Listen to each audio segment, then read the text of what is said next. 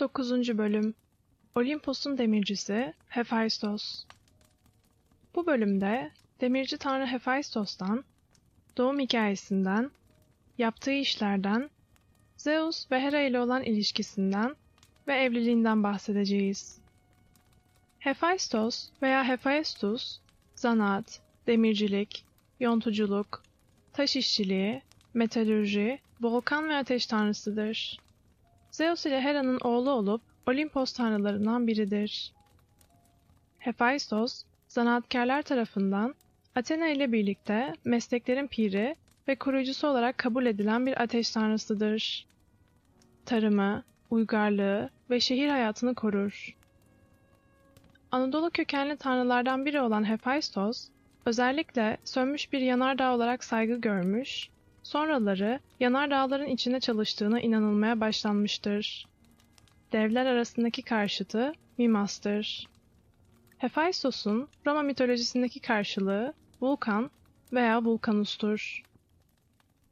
Hephaistos, tanrıların en çirkinidir. İki ayağı da topaldır. Ayrıca Hephaistos, yeryüzünde yaşamak zorunda kaldığından tüm tanrılar arasında yiyeceğini çalışarak elde etmek zorunda olan tek tanrı olduğu için yoksul tanrı olarak da bilinir. Olimpos'un demircisi Hephaistos, mitolojide diğer tanrılar veya kahramanlar için ürettiği üstün özellikli silah, zırh ve çeşitli işler gören robota benzer mekanik gereçlerle yani otomatonlarla tanınır. Topal ve çirkin diye tarif edilmekle birlikte güzellik tanrıçası Afrodit'in kocasıdır.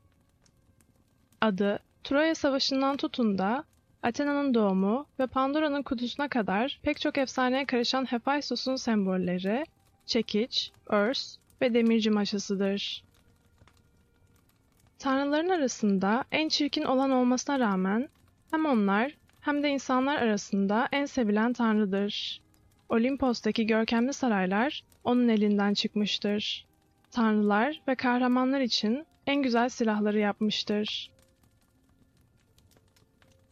Eros'un okları ve yayları, Hades'in görünmezlik miğferi, Hermes'in kanatlı miğferi ve kanatlı sandaletleri, Zeus ve Athena'nın kullandıkları Aegis denilen olağanüstü koruma gücüne sahip zırh, Kikloplar ile birlikte yaptığı Zeus'un şimşeği, Apollon ve Artemis'in ok ve yayları, kahramanlar Perseus ve Peleus'un bıçağı, kahraman Akilleus'un savaş gereçleri Afrodit'in ünlü göz kamaştırıcı kemeri ve arabası, Delphi şehrindeki Apollon tapınağı, bütün Olimpos tanrılarının sarayları, tahtları, mücevherleri, Güneş tanrısı Helios'un altın sarayı, dört at tarafından çekilen efsanevi arabası, ayrıca altından kayığı, Ares'in savaş arabası, Truva'daki kült Dionysos heykeli, Dionysos'un eşi Ariadne'nin tacı, kral, kraliçe ve kahramanların şarap kadehleri, Truva kralı Laomedon'un büyülü üzüm bağı, Ares ve Afrodit'in kızı, yasak aşkından olan Harmonia'ya düğün hediyesi olarak yaptığı lanetli gerdanlık, Zeus'un emriyle insanları cezalandırmak için gönderilen ilk kadın Pandora, Pandora'nın kutusu ve tacı da onun eseridir. Hephaistos ayrıca kendisi tarafından geliştirilmiş, kendi kendine hareket etme kabiliyetine sahip, mekanik ama canlı robotlar yani birçok otomat da yapmıştır. Girit kraliçesi Europa'ya düğün hediyesi olarak sunduğu, Girit adasını koruyan bronz dev Talos, kendisine yardımcı olmaları için ürettiği, hareket edebilen, güzel birer kadın görünümündeki bir çift heykel Prometheus'a işkence etmeleri için bronzdan yapılmış Kafkas kartalı, Apollon tapınağı için altından yapılmış şarkı söyleyen sihirli kız korosu Keledonlar bunlardan birkaçıdır. Hephaistos, İlyada'da Karis yani zarafet, neşe ve sevinci temsil eden tanrıçalardan biriyle evlidir. Hephaistos inanışının merkezi Limna Adası yani Lemnos olmakla birlikte Atina gibi zanaat ve imalat alanında öne çıkan şehirlerde de Hephaistos önemli bir tanrı sayılmıştır. Homeros, gerek İlyada'da gerekse Odessa'da Hephaistos'un Zeus ile Hera'nın oğulları olduğunu söyler. Hesiodos ise Hera'nın Hephaistos'u bir başına yani babasız dünyaya getirdiği kanısındadır. Ozan'a göre bunun nedeni Hera'nın Athena'yı bir başına dünyaya getiren Zeus'tan bu yolla intikam almak istemesidir. Bu olayı Hesiodos, Theogonia adlı eserinde şu şekilde anlatır. Hera tanrıça, kimseyle sevişmeden, yalnız öfkeden ve hıncından kocasına, ünlü Hephaistos'u doğurdu kendi kendine. Ve Hephaistos, en usta sanatçısı oldu, gökler tanrısı, Uranos torunlarının. Fakat Atika yöresine ait vazo resimlerine baktığımızda, Athena'nın Zeus'un alnından doğumu sahnelerinde Hephaistos'un orada hazır bulunduğunu görürüz. Ki bu da Hephaistos'un Athena'dan yaşça büyük olduğunu gösterir. O halde Hera'nın Hephaistos'u bir başına dünyaya getirmiş olması çelişkili bir durumdur. Bu nedenle mitolojide bu konuda Hesiodos'un değil de genellikle Homeros'un düşüncesi, yani Hephaistos'un Zeus ve Hera tarafından dünyaya getirildiği görüşü benimsenir. Hephaistos'un doğumu konusunda kaynağını Homerik şiirlerde bulduğumuz bir diğer mitte ise Hera'nın topal doğan Hephaistos'u dünyaya getirir getirmez gökten yere attığı söylenir. Fakat Okayanos nehrine düşen bebek Hephaistos, Akileus'un annesi Tetis tarafından kurtarılır. Tetis, Okayanet Yurinam ile beraber Hephaistos'a bakar ve onu büyütür. Homeros bu hikayeyi İlyada'da biraz daha değişik bir biçimde anlatır. Ona göre Hephaistos, Hera tarafından değil, kendisinin Hera ile olan kavgasına engel olmaya çalıştığı için Zeus tarafından gökten aşağıya atılmıştır. Hikayenin bu versiyonunda Hephaistos, Okyanos'a değil de Limna adasına yani Lemnos'a düşer ve bu adanın Sintis diye adlandırılan zanaat erbabı yerli halkı tarafından yetiştirilir. Homeros da Hephaistos'u doğuştan topal sayar. Fakat daha sonraki ozanlar veya yazarlar Hephaistos'un topallığının sonradan Zeus tarafından Olimpos'tan aşağıya fırlatılması sonucunda oluştuğunu öne sürmüşlerdir. Bu olay Homeros'un İlyadası'nda şu şekilde geçer. İki kulplu tası kaldırıp verdi anasına. Dedi ki, Aldırma anacığım, sık dişini, bağrına taş bas. Seni çok severim. Görmek istemem dayak yediğini. Tepem atsa bile koşamam yardımına. Ne yapayım? Olimposlu'ya karşı gelmek çok zor. Bir gün sana yardım etmek istedim de hani. Yakaladıydı beni bacağımdan, attıydı tanrısal eşikten aşağı. Yuvarlandım gittiydim tam bir gün. Düştüydüm Lemnos adasına, batan günle. Birazcık canım kalmıştı. Ha çıktı, ha çıkacak. Sintiler yerden kaldırdılardı orada beni. Hephaistos, diğer tanrılar tarafından hor görülse de, hiçbirinin elinden gelmeyen işler, onun elinden gelirdi. Her türlü madeni işleyip, olağanüstü güzellikte eserler yaratırdı.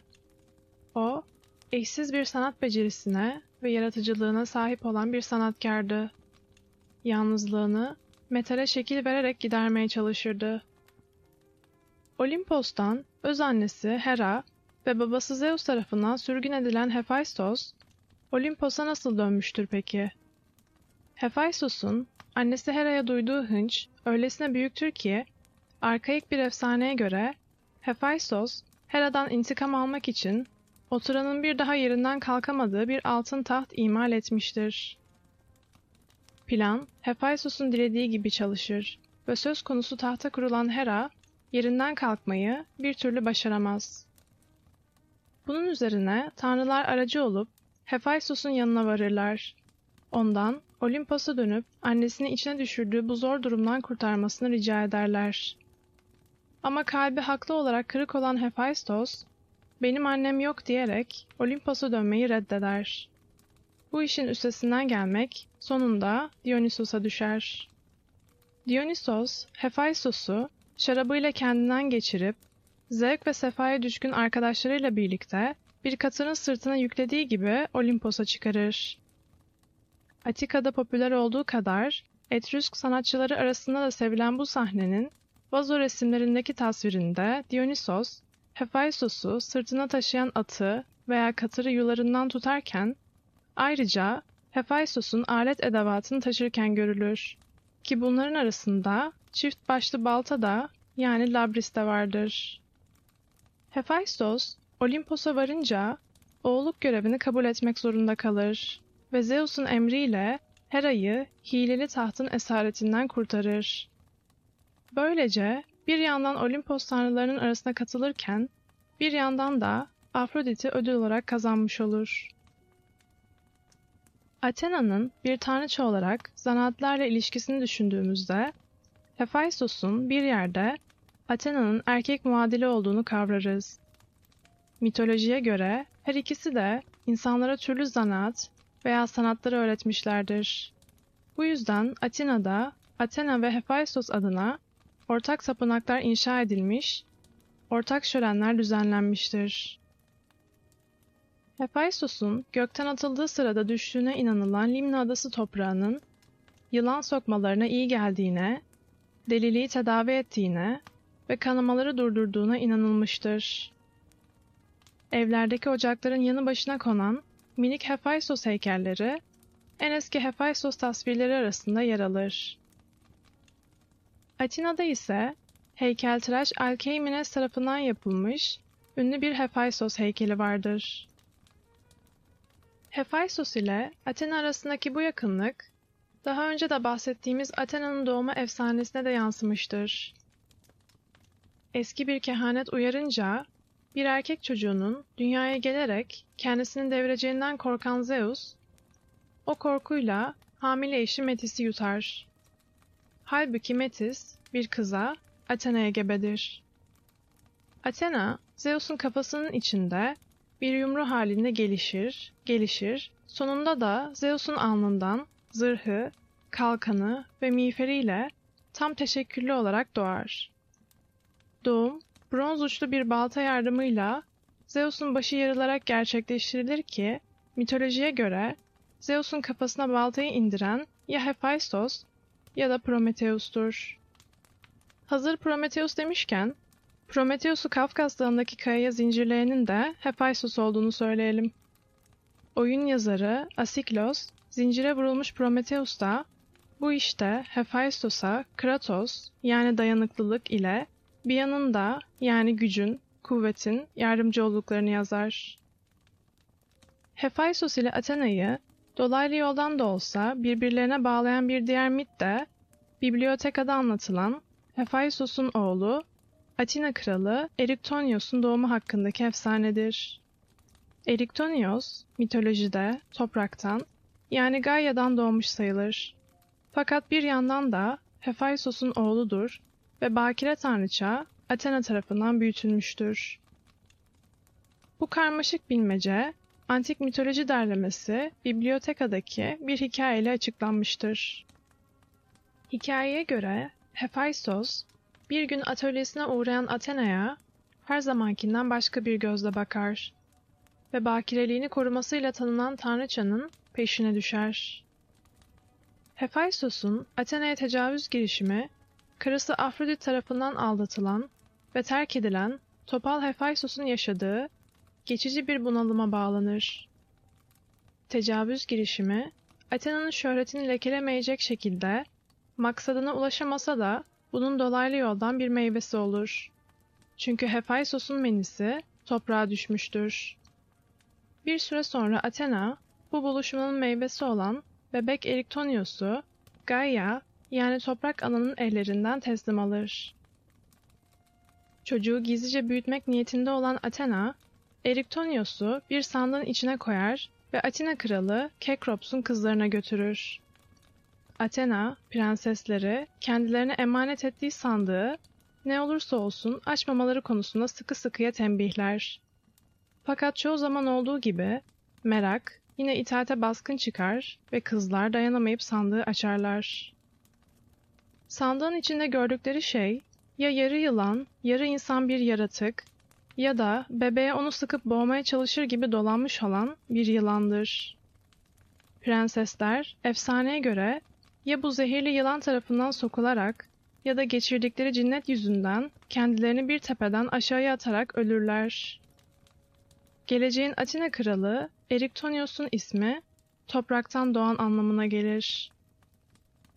Eriktonios'un babası Hephaistos gibi topal olduğu için Quadriga'yı yani dört atın çektiği arabayı icat ettiği, ölümünden sonra Zeus tarafından arabacı takım yıldızı yani Auriga halinde göğe yükseltilip onurlandırıldığı söylenir.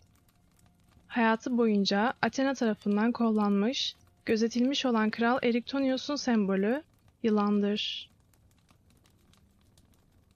Afrodit, güzelliğiyle Olimposlu tanrılar arasında sık sık çekişmelere sebep olduğu için Zeus onu bir an önce evlendirmek istemiş, ona en uygun eşin de kararlılığı ve sağlamlığı ile tanınan Hephaistos olduğuna hükmetmiştir. Gel gelelim, Afrodit, çirkin ve topal kocasıyla mutlu değildir. Çok geçmeden başka arayışlar içine girer ve savaş tanrısı Ares ile flört etmeye başlar. Gözünden hiçbir şey kaçmamasıyla meşhur güneş tanrısı Helios, Afrodit ile Ares'in kaçamağını Hephaistos'a gammazlamakta gecikmez. Hephaistos'un aldığı haber karşısında duyduğu şaşkınlık ve üzüntünün yerini intikam duygusuna bırakması fazla sürmez. Hephaistos, aşıklara müthiş bir tuzak kurar. Tuzaktan habersiz, birlikte yatağa uzanan Ares ile Afrodit, daha ne olduğunu anlamalarına kalmadan, kendilerini çok ince ama güçlü zincirlerle örülmüş bir ağın içinde kıskıvrak yakalanmış bulurlar. Hephaistos, içinde en ufak bir acıma duygusu hissetmeden, suçüstü yakaladığı Ares ile Afrodit'i ağın içinde sürükleye sürükleye diğer Olimpos tanrılarının önüne getirip bırakır. Bu utanç verici bir durumdur. Fakat tanrılar kafesin içindeki çıplak sevgililere bakıp gülerler. Poseidon, Ares'in yaptığının bedelini ödeyeceği konusunda Hephaistos'a güvence vererek onu Ares ile Afrodit'i serbest bırakmaya ikna eder. Gel gelelim Hephaistos ile Afrodit'in evliliğine. Afrodit ile Hephaistos'un hiç çocukları olmamıştır. Buna karşın kimileri uyum ve ahenk tanrıçası Harmonia'yı Ares ile Afrodit'in kızı sayar. Harmonia, Zeus'un isteğiyle Semadirek adasının kralı Kadmos'la evlendirilir ve bu büyük düğüne tüm tanrılar ve tanrıçalar katılırlar. Kadmos, geline Hephaistos'un yaptığı muhteşem bir gerdanlık hediye eder. Zavallı Harmonia, bu lanetli gerdanlığın onu taşıyan kişiye kuşaklar boyu felaket getireceğinden bir haberdir. Kadmos ile Harmonia'nın nesli tarafından kuşaklar boyunca taşınan ve aileye felaket getiren gerdanlık, nihayet Delphi'deki Athena tapınağına bağışlanır. Ama gerdanlığın laneti bununla sona ermiş olmaz. Bir kimsenin tapınaktan çaldığı gerdanlık, onun oğluna cinnet geçirtip evi yaktırır. Bu facia da bu kimsenin karısının ölümüne ve olanca mülkünün heba olmasına yol açar. Bu bölümde kendisi çirkin ve topal olan ama tıpkı metallere verdiği şekillerin sıcaklığı gibi içi de ateşle dolu olan yetenekli demirci tanrı Hephaistos'tan, yaptığı değerli işlerden, doğum hikayesinden, diğer tanrı ve tanrıçalarla olan ilişkilerinden ve evliliğinden bahsettik. Sonraki bölümde konuğumuz Hephaistos'un kin beslediği savaş tanrısı Ares olacak.